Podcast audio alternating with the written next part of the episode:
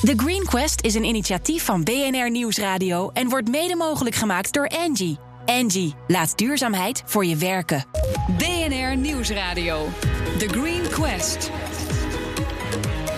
Harm Edens. De tijd raakt op en we moeten nog een hoop doen om de klimaatdoelen van 2020 te halen. In de Green Quest zoeken we naar innovaties die ons daarbij echt gaan helpen. Palmolie, microbeams en hormoonverstorende stoffen. Je krijgt er misschien een glanzend huidje van, maar wel ten koste van het milieu. En ook van de natuur. Robert van Weghem, journalist en schrijver. Jij hebt jarenlang onderzoek gedaan naar de cosmetica-industrie. Je deed ook degelijk veldwerk en literatuuronderzoek. Maar je ging nog verder met een sterk staaltje participerende journalistiek in de vorm van, ja, moet ik zeggen, DIY-cosmetica. Uh, ja, dat klopt. Hoe ging dat precies? Ik heb uh, geprobeerd mijn haar niet te wassen een tijd. Dat was geen succes. Toen heb ik het geprobeerd een tijdje te wassen met baksoda en appelazijn. dat was ook niet zo'n succes. Je ziet het nog een beetje, maar... Een heel klein beetje, mm -hmm. ja, ja, ja. Maar uh, nee, dat was, ik heb het een paar maanden geprobeerd vol te houden. Want je hebt dan allemaal mensen op internet die daar van alles over zeggen. En dat moet dan een paar maanden, moet je haar ontwennen van shampoo. Ja. Maar mijn haar wende nooit aan de baksoda. Dus dat heb ik toch maar weer vervangen. Waar staat dat voor, DIY? Uh, do it yourself. Ja, ja, ja precies. En uh, ik heb ook geprobeerd een uh, gezichtsmasker te maken van tomatenpuree. Hmm. Vanuit de redenering, ik dacht, er zitten heel veel antioxidanten in. En dat staat op zo'n beetje elk cosmetica product. Dus ik dacht, waar kun je nou veel antioxidanten vinden die je ook nog in je mond kan stoppen? Nou, tomatenpuree. Dus dat had ik op mijn gezicht gesmeerd. Dat werd knalrood. Dat bleef ook nog, nadat ik het afgewassen, een beetje rood. Um, en het prikte heel erg. Dus dat was ook echt geen succes. Ja, je kunt het daarna wel weer in je pastasaus gooien. Ja, het ging bij mij door de gootsteen. Dat werd ook helemaal rood. nou, nou gaan we het hebben over die cosmetica-industrie. Hoe erg is het daar gesteld als je het over duurzaamheid hebt?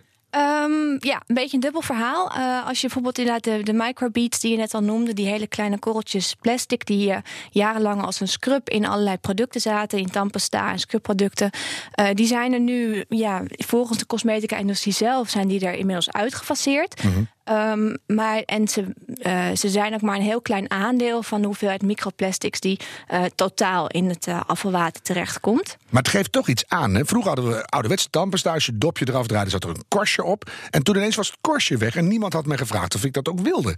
Dus er zitten allerlei rotsen in die dingen die er vroeger niet in zaten, die we eigenlijk helemaal niet nodig hebben. Ja, klopt. Een groot deel van de, die scrubjes kun je bijvoorbeeld ook doen met abrikozenpitten of met walnootpitten. Ja. Of soms zelfs met koffieprut. Heb ik ook een keer geprobeerd. Um, maar dat is heel moeilijk te conserveren of niet zo lang als uh, conventioneel nodig is. Want een cosmetica-product moet tot wel drie jaar houdbaar blijven. En de goedkoopste en makkelijkste manier om dat te doen, ja, is om er toch uh, aardoliederivaten in te stoppen. Ja, toch even een tussenvraag. Waarom moet het eigenlijk drie jaar houdbaar zijn? Ja, om het, uh, het moet natuurlijk worden geproduceerd en het moet worden verkocht. Dus het moet ook een tijd op het, uh, op de, in het schap kunnen blijven staan. Ik zit nu bij drie weken. Ja, en, maar misschien, je weet, niet, je weet natuurlijk niet precies hoe lang dat product al in de relatie is. Hè? Dus je weet niet waar het allemaal ondertussen opgeslagen heeft gestaan. Zet je dat houdbaarheidsdatumtje op? Ja, dat staat er ook meestal op. Ja. Dan kun je toch terugschroeven. Door een half jaar heb je al een heleboel gewonnen. Ja, dus het is een rare industrie. Goeie, goeie vraag voor de industrie. Ja, ja, het is een rare industrie. Als je begint met het nadenken over die verduurzaming in die cosmetica-industrie, dan heb je een aantal categorieën. Zullen we ze bij langs gaan? Ja, dat is wat, goed. Wat, wat zijn de meest vervuilende producten? Um, oh, dat is heel lastig te zeggen. Uh, nou, nee, er is eentje, spuitbussen. Mhm. Mm -hmm. Omdat daar uh, nog aerosolen, of daar zitten nog uh, die, die drijfgassen in... die ja, de ozonlaag aantasten, of in ieder geval... Dat kan al helemaal niet meer. Hè? Nee, dat kan echt niet meer. Nee. En je kunt het ook heel makkelijk vervangen... want er zijn ook producten die je kunt spuiten... waar een pompverstuiver in zit. Mhm. Mm -hmm. Dus ja, spuitbussen in, met haarlak en deo... dat als eerst van de lijst. En in de producten zelf, want je hoort wel eens... dan is het heel erg goed voor de vollige vrouw... maar dan zitten er terroristen in. Um, ja, dat is misschien een beetje een indianenverhaal. Het is Hmm. wel zo dat uh, collageen, wat dan uh, de eiwit, zeg maar, lijkt op de eiwitconstructie in je huid en wat dan ook je huid levendig zou houden, dat kan van dieren worden gemaakt. En dat kan dan inderdaad uh, zo'n collageenbonnen of ook zoals zeep wordt gemaakt, dat kan van ja, verwerkt ja, toch slachtafval. Zie je? Dus ja. daar zijn we. Dus er zitten allerlei industrieën aan de achterkant op die cosmetica-industrie te duwen. Dan las ik naar aanleiding van jouw boek dat jij schreef dat de zware industrie sterk vertegenwoordigd waren op beautybeurzen.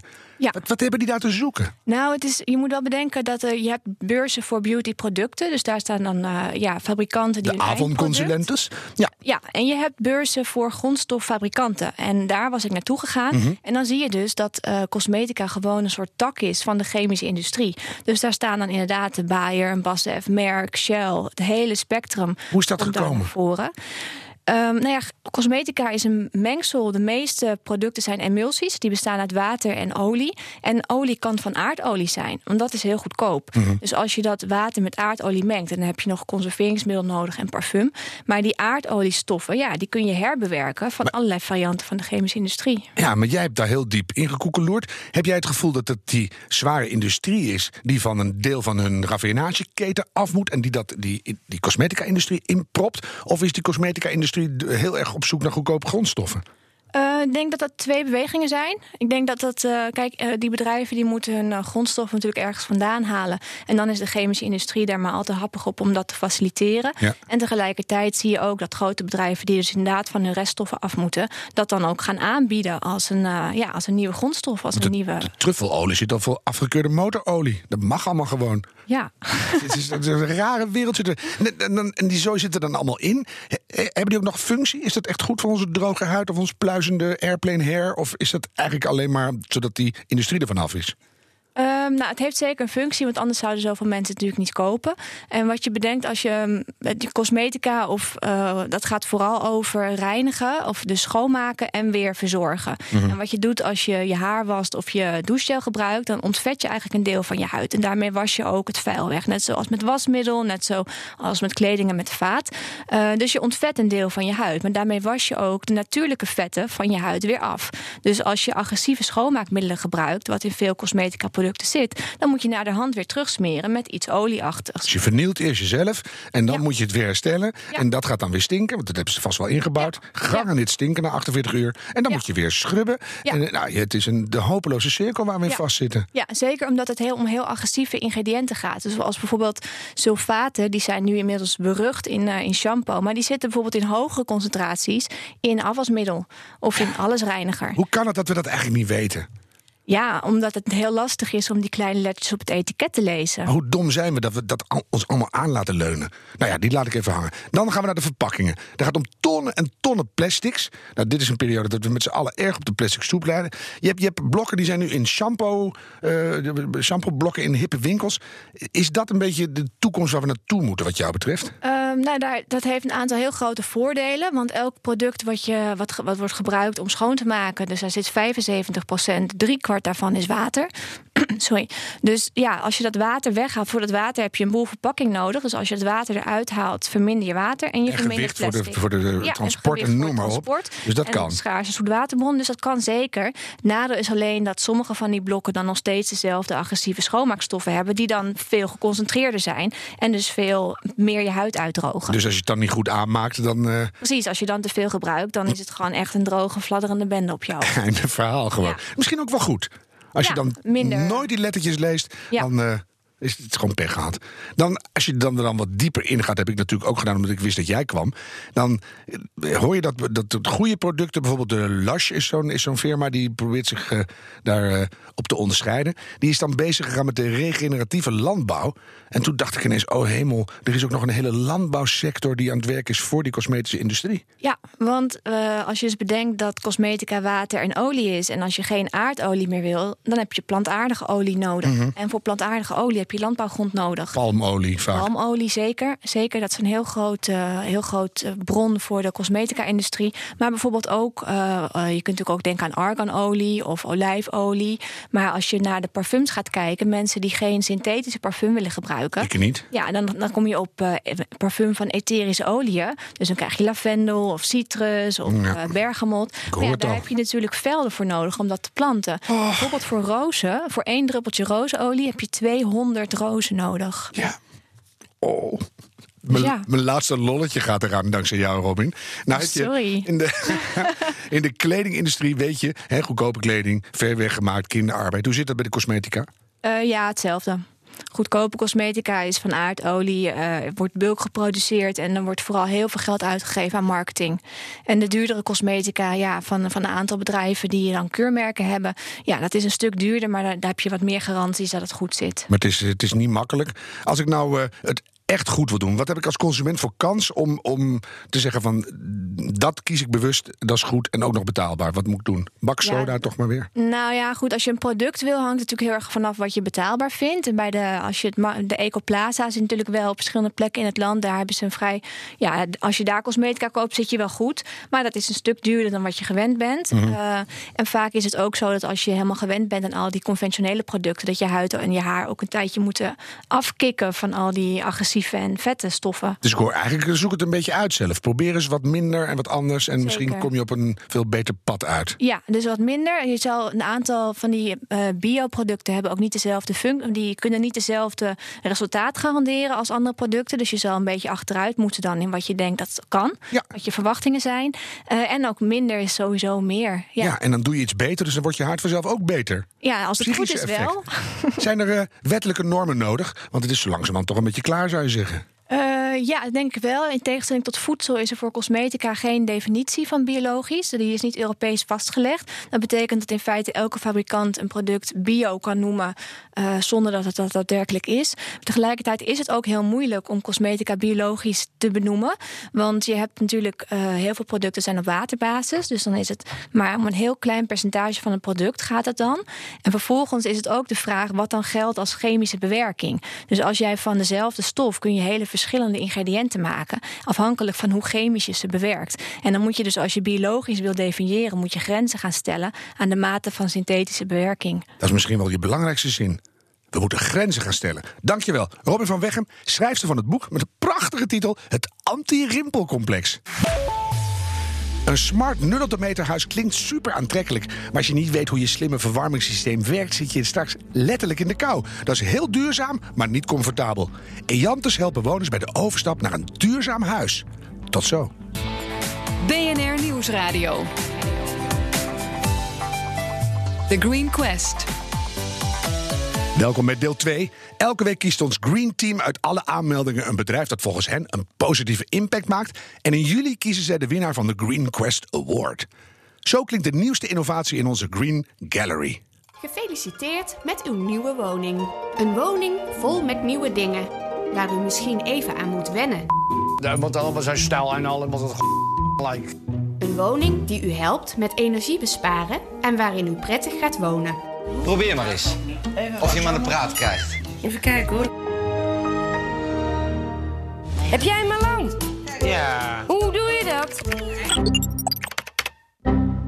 Ik ben er niks van. Ik ben er niks van.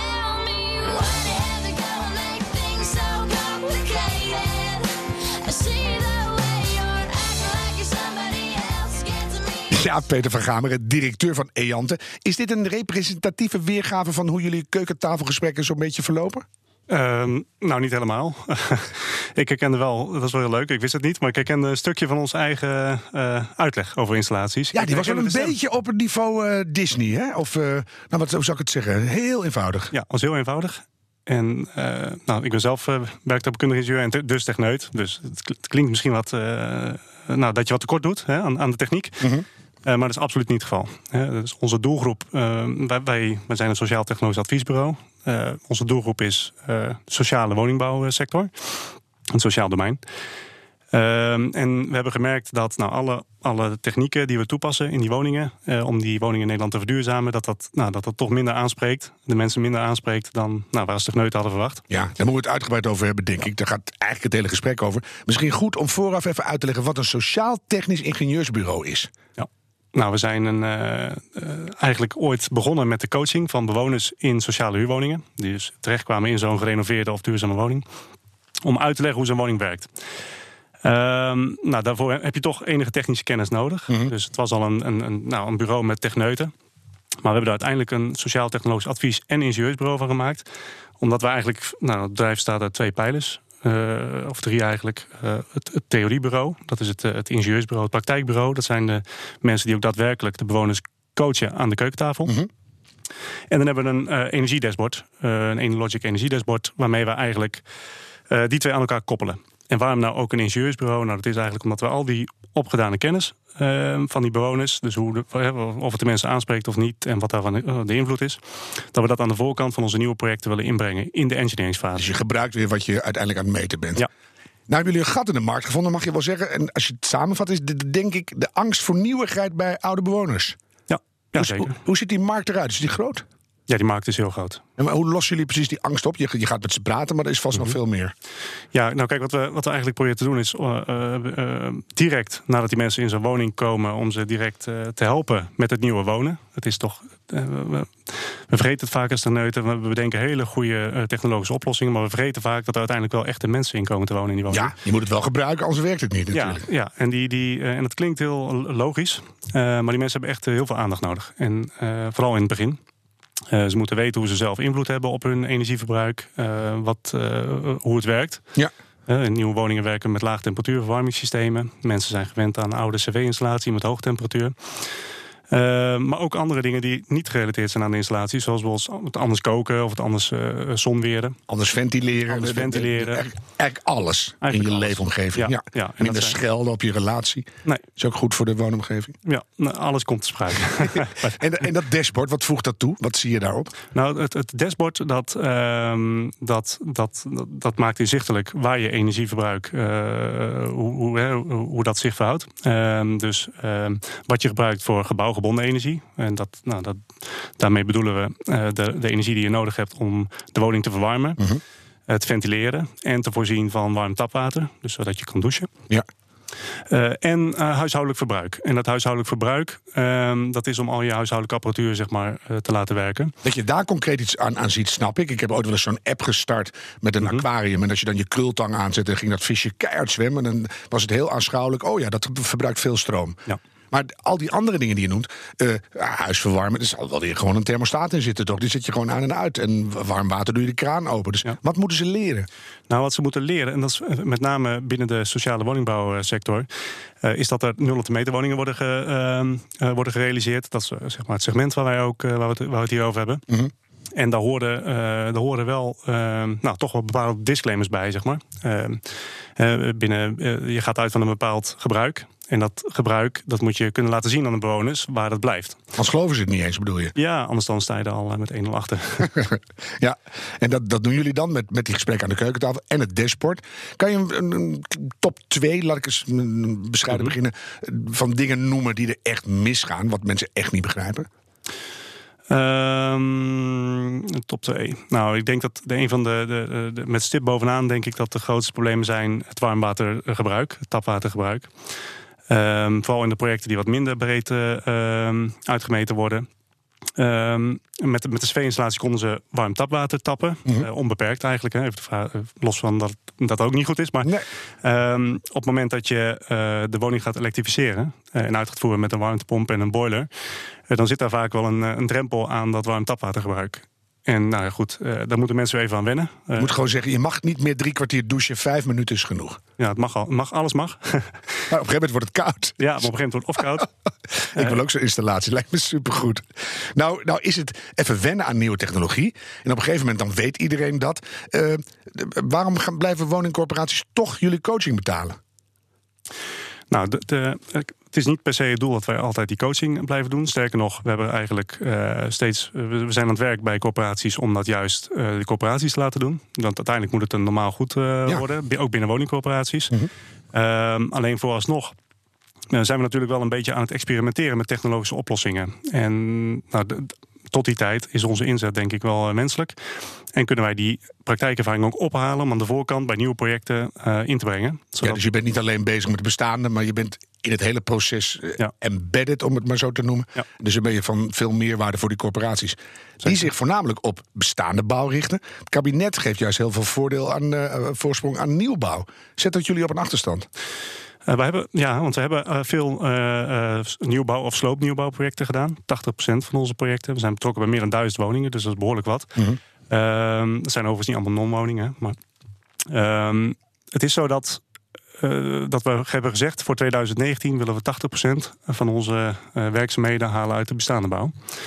En dat is ook ehm, de reden dat we nou, nu aan het. Dat is eigenlijk de, de, de meest eh, nieuwe innovatie van ons. Is dat wij die bestaande woningen eh, inladen in ons energiedashboard. We maken daarbij gebruik van slimme metadata.